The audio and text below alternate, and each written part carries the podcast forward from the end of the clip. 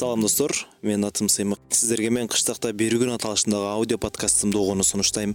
Бул долбоор аркылуу сиздер кыргызстандын түрдүү аймактарындагы кызыктуу айылдар ал жердин диалектикалык өзгөчөлүктөрү менен тааныша аласыздар эң өзгөчөлүгү мен ар бир барган айылда бир кыз менен таанышам. Анан ошол бийкеч мага айылды тааныштырууда жардам берет. Биздин подкаст сиздер үчүн ыңгайлуу жана кызыктуу болушуна ишенем. Анткени биз диалектикалык сөздөрдү толугу менен түшүндүрүп беребиз маалымат иретинде айтайын биздин бул долбоорду сиз өзүңүзгө ыңгайлуу болгон баардык форматта көрүп окуй аласыз. Ал үчүн биз тв жана сайттагы версиясын даярдаганбыз аларды сиз биздин тв youtube каналынан жана ынтымак чекит kg сайтынан кыштакта бир күн деп издесеңиз табасыз.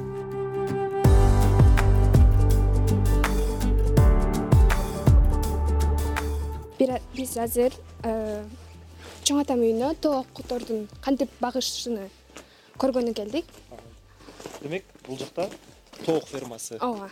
бар. Ошондой десек дагы болот. Чоң атам тоок фермасы бар ал жакта кантип тоокторду багуунун эрежелерин үйрөтөт бизге? Ту ту ту ту ту ту ту ту ту ой келгиле. Келдик. Кандай? Кандайсыз жакшысызбы кайсы шамал айдап келдиңер? Бизде ноокатты шамал айдап келди. Айкөл кызыңыз. Айкөл кандай? Жакшысыңбы сизге ээрчитип келди тоок фермасы бар. Кандай кылып багышты көрсөтөт дейт. Бекерчиликтеги иштейм. Эмне кылып атасыз азыр? Азыр өткөндө он күн мурун дарылагам эмнеге каршы? Баягы чумага каршычы. Себеби мына ноябрь айында сөзсүз дарылаш керек да. Анан кийин он күндөн кийин повторно дарылаш керек дагы. Ошого бүгүн дарыласамбы эртең менен кечээги состояниясын көрүп булардын кичине кеселдеп калыптыр да? Ошолорун көрүп туруп бүгүн эртең сабарлап парастомол бердим. Парацетамол кадимки эле кадимки эле адамдардын парастомолуну уютуп бердим. Ичиши бүтүптүр эми мынаны немени? Э, марганцовка колага окшошуп иче берейин марганцовканы даярдадым эми ушуну берип койсом себеби булар булардын эмесинен кыгыдан эле билебиз да? Ооба. Канчалык өзгөрүп калат. Өзгөрүп калат. Ошону бүгүн э, сабарлап карасам кичине өзгөрүп калыптыр. Ошого марганцовка даярдадым.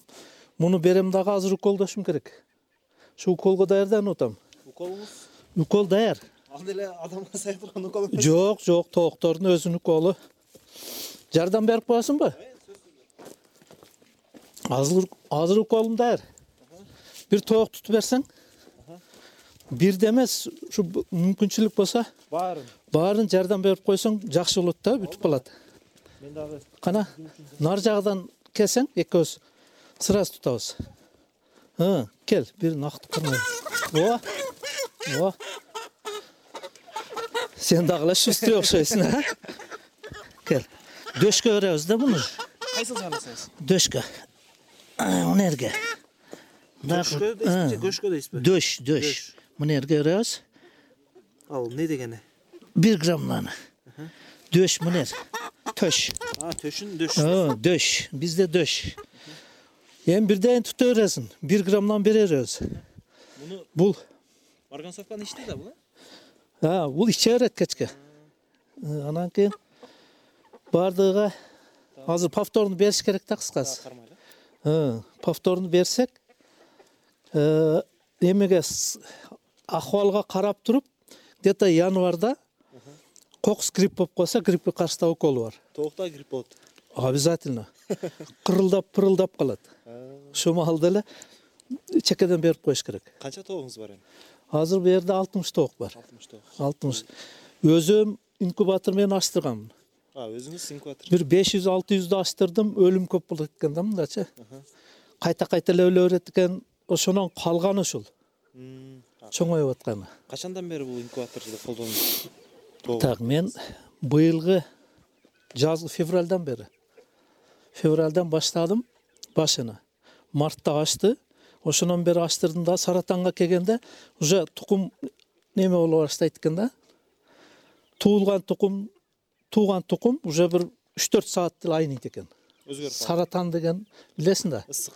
Өтө ысык. Саратан анан асат келет ошол ысык маалда үч төрт саат беш сааттан кийин асат келет дейсизби? Асат асат бул өрүк бышкан маал.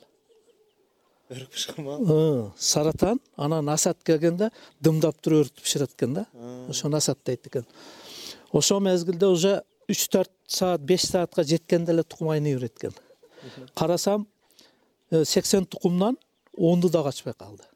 Анан токтоттум. Азыр күздө ачтырайын кышта бага албайм эми февралда дагы баштайм да. Жазга ачып калышат Э, февралдан баштасам ошо азыр мыналар тоокторум тукумдары кудай кааласа жарактуу бир кырк туу бергенде дагы эки күндүгү бир инкубаторго эки күндүгү бир инкубаторго эки инкубаторум бар да. Азыр тууп атышабы жок азыр жок. Бар эми азыр бир үчтөн эле күнүгө. Инкубаторуңуз кандай инкубаторум көрсөтөйүнбү же көрсөтүп жакшы болот чөжө ачтырганын аркасында мунаны жасадым? Биринчи ярус экинчи ярус кылып жүзүлөр үчүн. Чөжөлөр. Мисалы үчүн мына жерге э, чоңдору кичинелерин бияка салып коебуз жаап коебуз. Өзү эптеп чыга турган мезгилде бияка алып коебуз. Кичине мезгилде жогоруда тура берет аяш балдарым жасап берген сексен үч сексен төрт тукум атат. Канча айда чыгат экен эли жыйырма эки күндө. Тоок жыйырма эки күндө. Процесс кандай болот? Процесси э, мисалы үчүн мына автоматический переворот Ö- ö- өзү мындай кылып турат. Анан мына жерге суу коюлат. Эки лампочка бар эки вентилятор бар.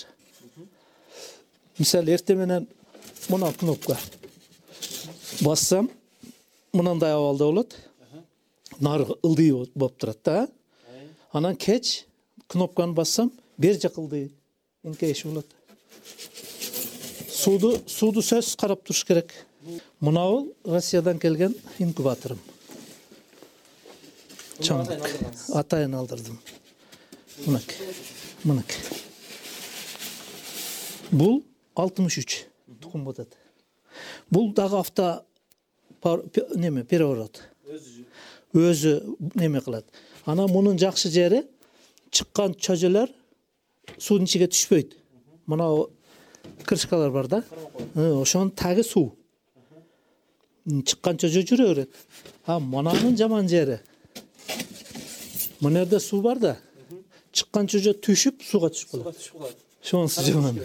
карап туруш керек анан кайта кайта эле ача берсең немени влажность жоголот мынабу бир чөжөгө э неме балалуу тоок үчүн.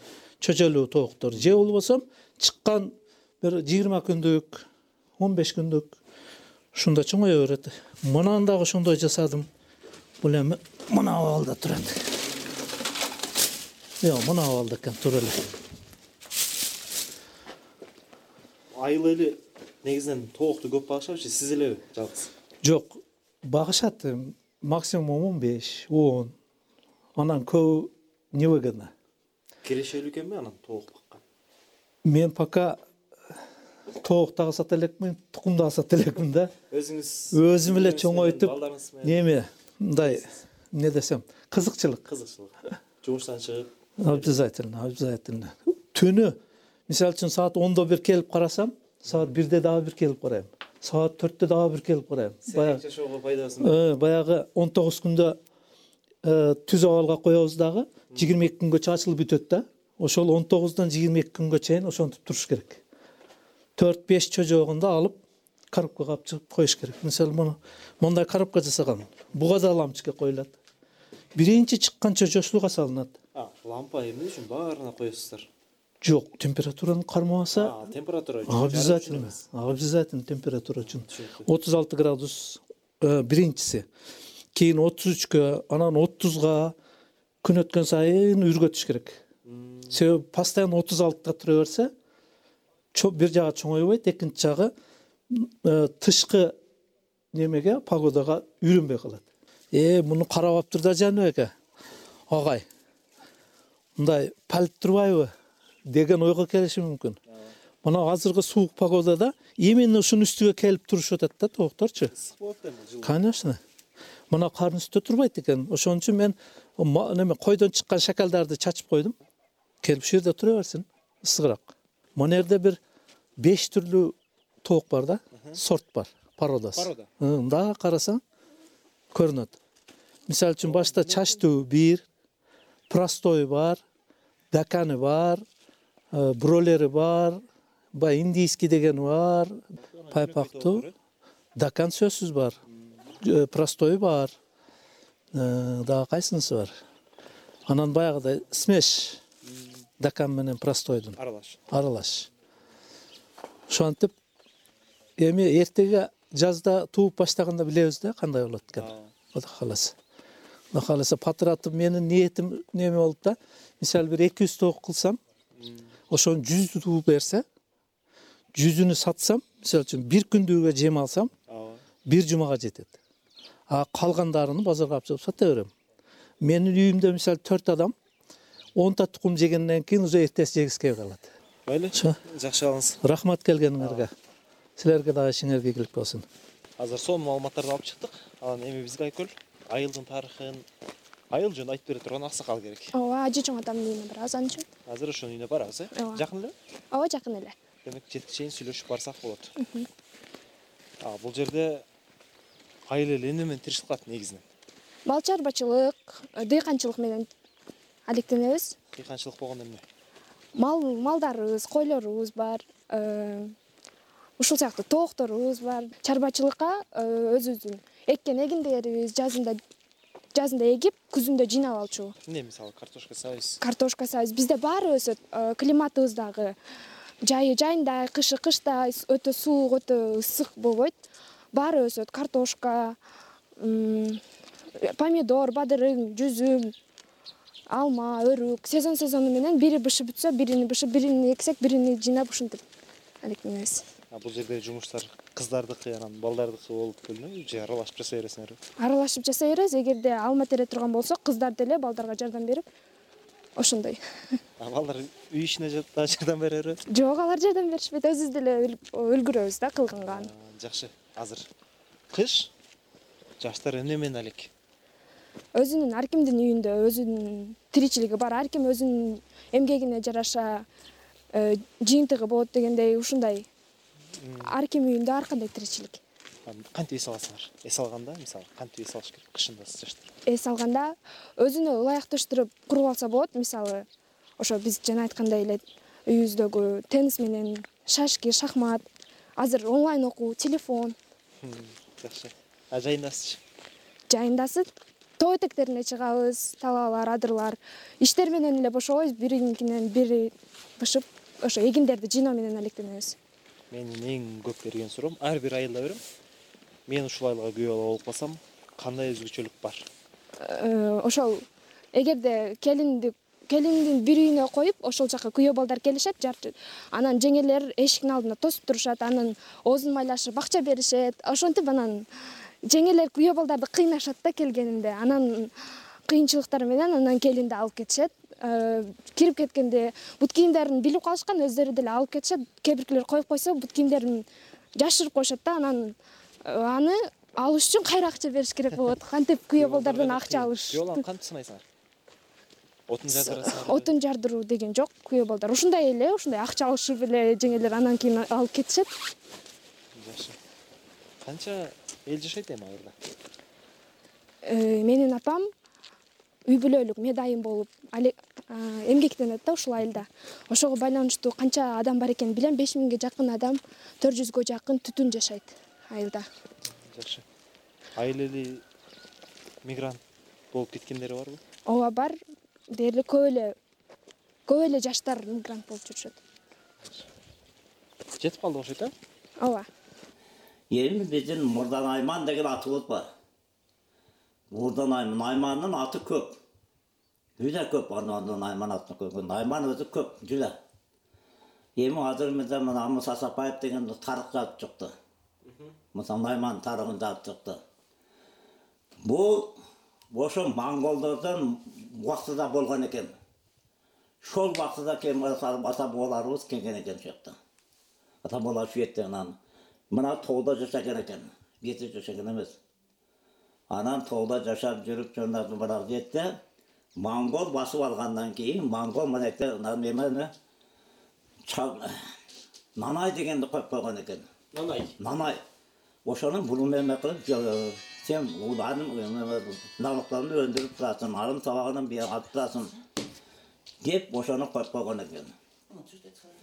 Эми бизден алып турган экен бизден биздин айман машы мемеден келген экен өзбекстандан келген экен. Ушул жактага келип чомалап отурукташып калган экен.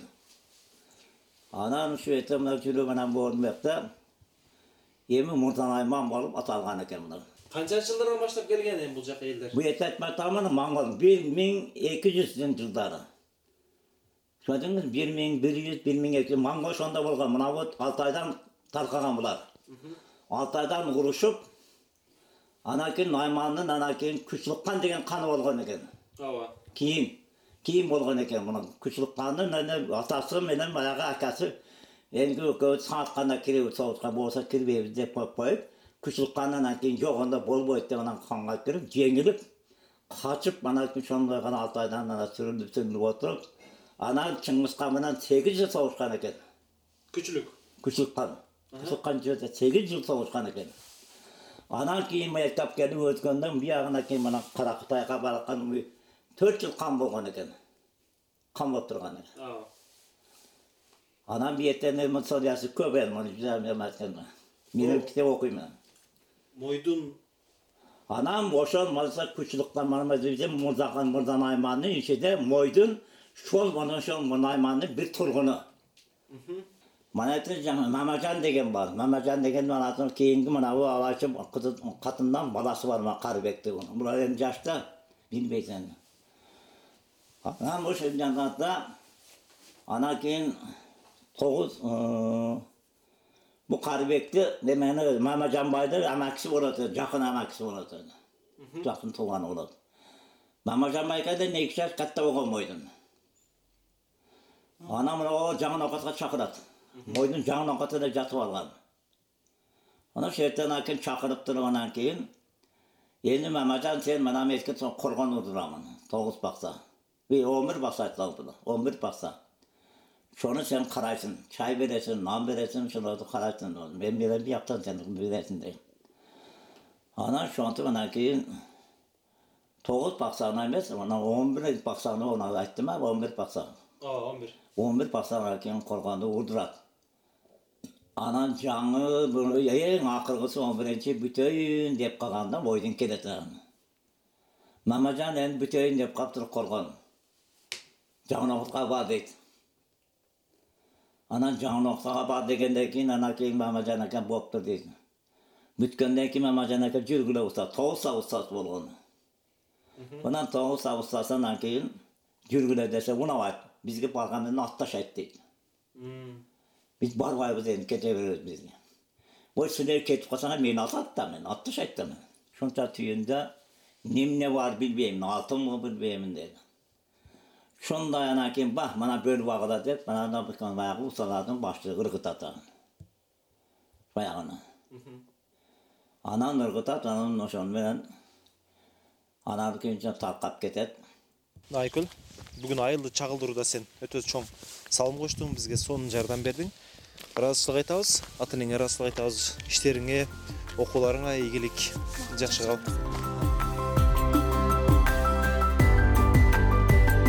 ушинтип биздин сапарыбыз аягына чыкты. Кийинки серия мындан да кызыктуу болот. Анткени биз сиз менен кайрадан эле ноокат районунун кыргыз ата айыл аймагынан жолугабыз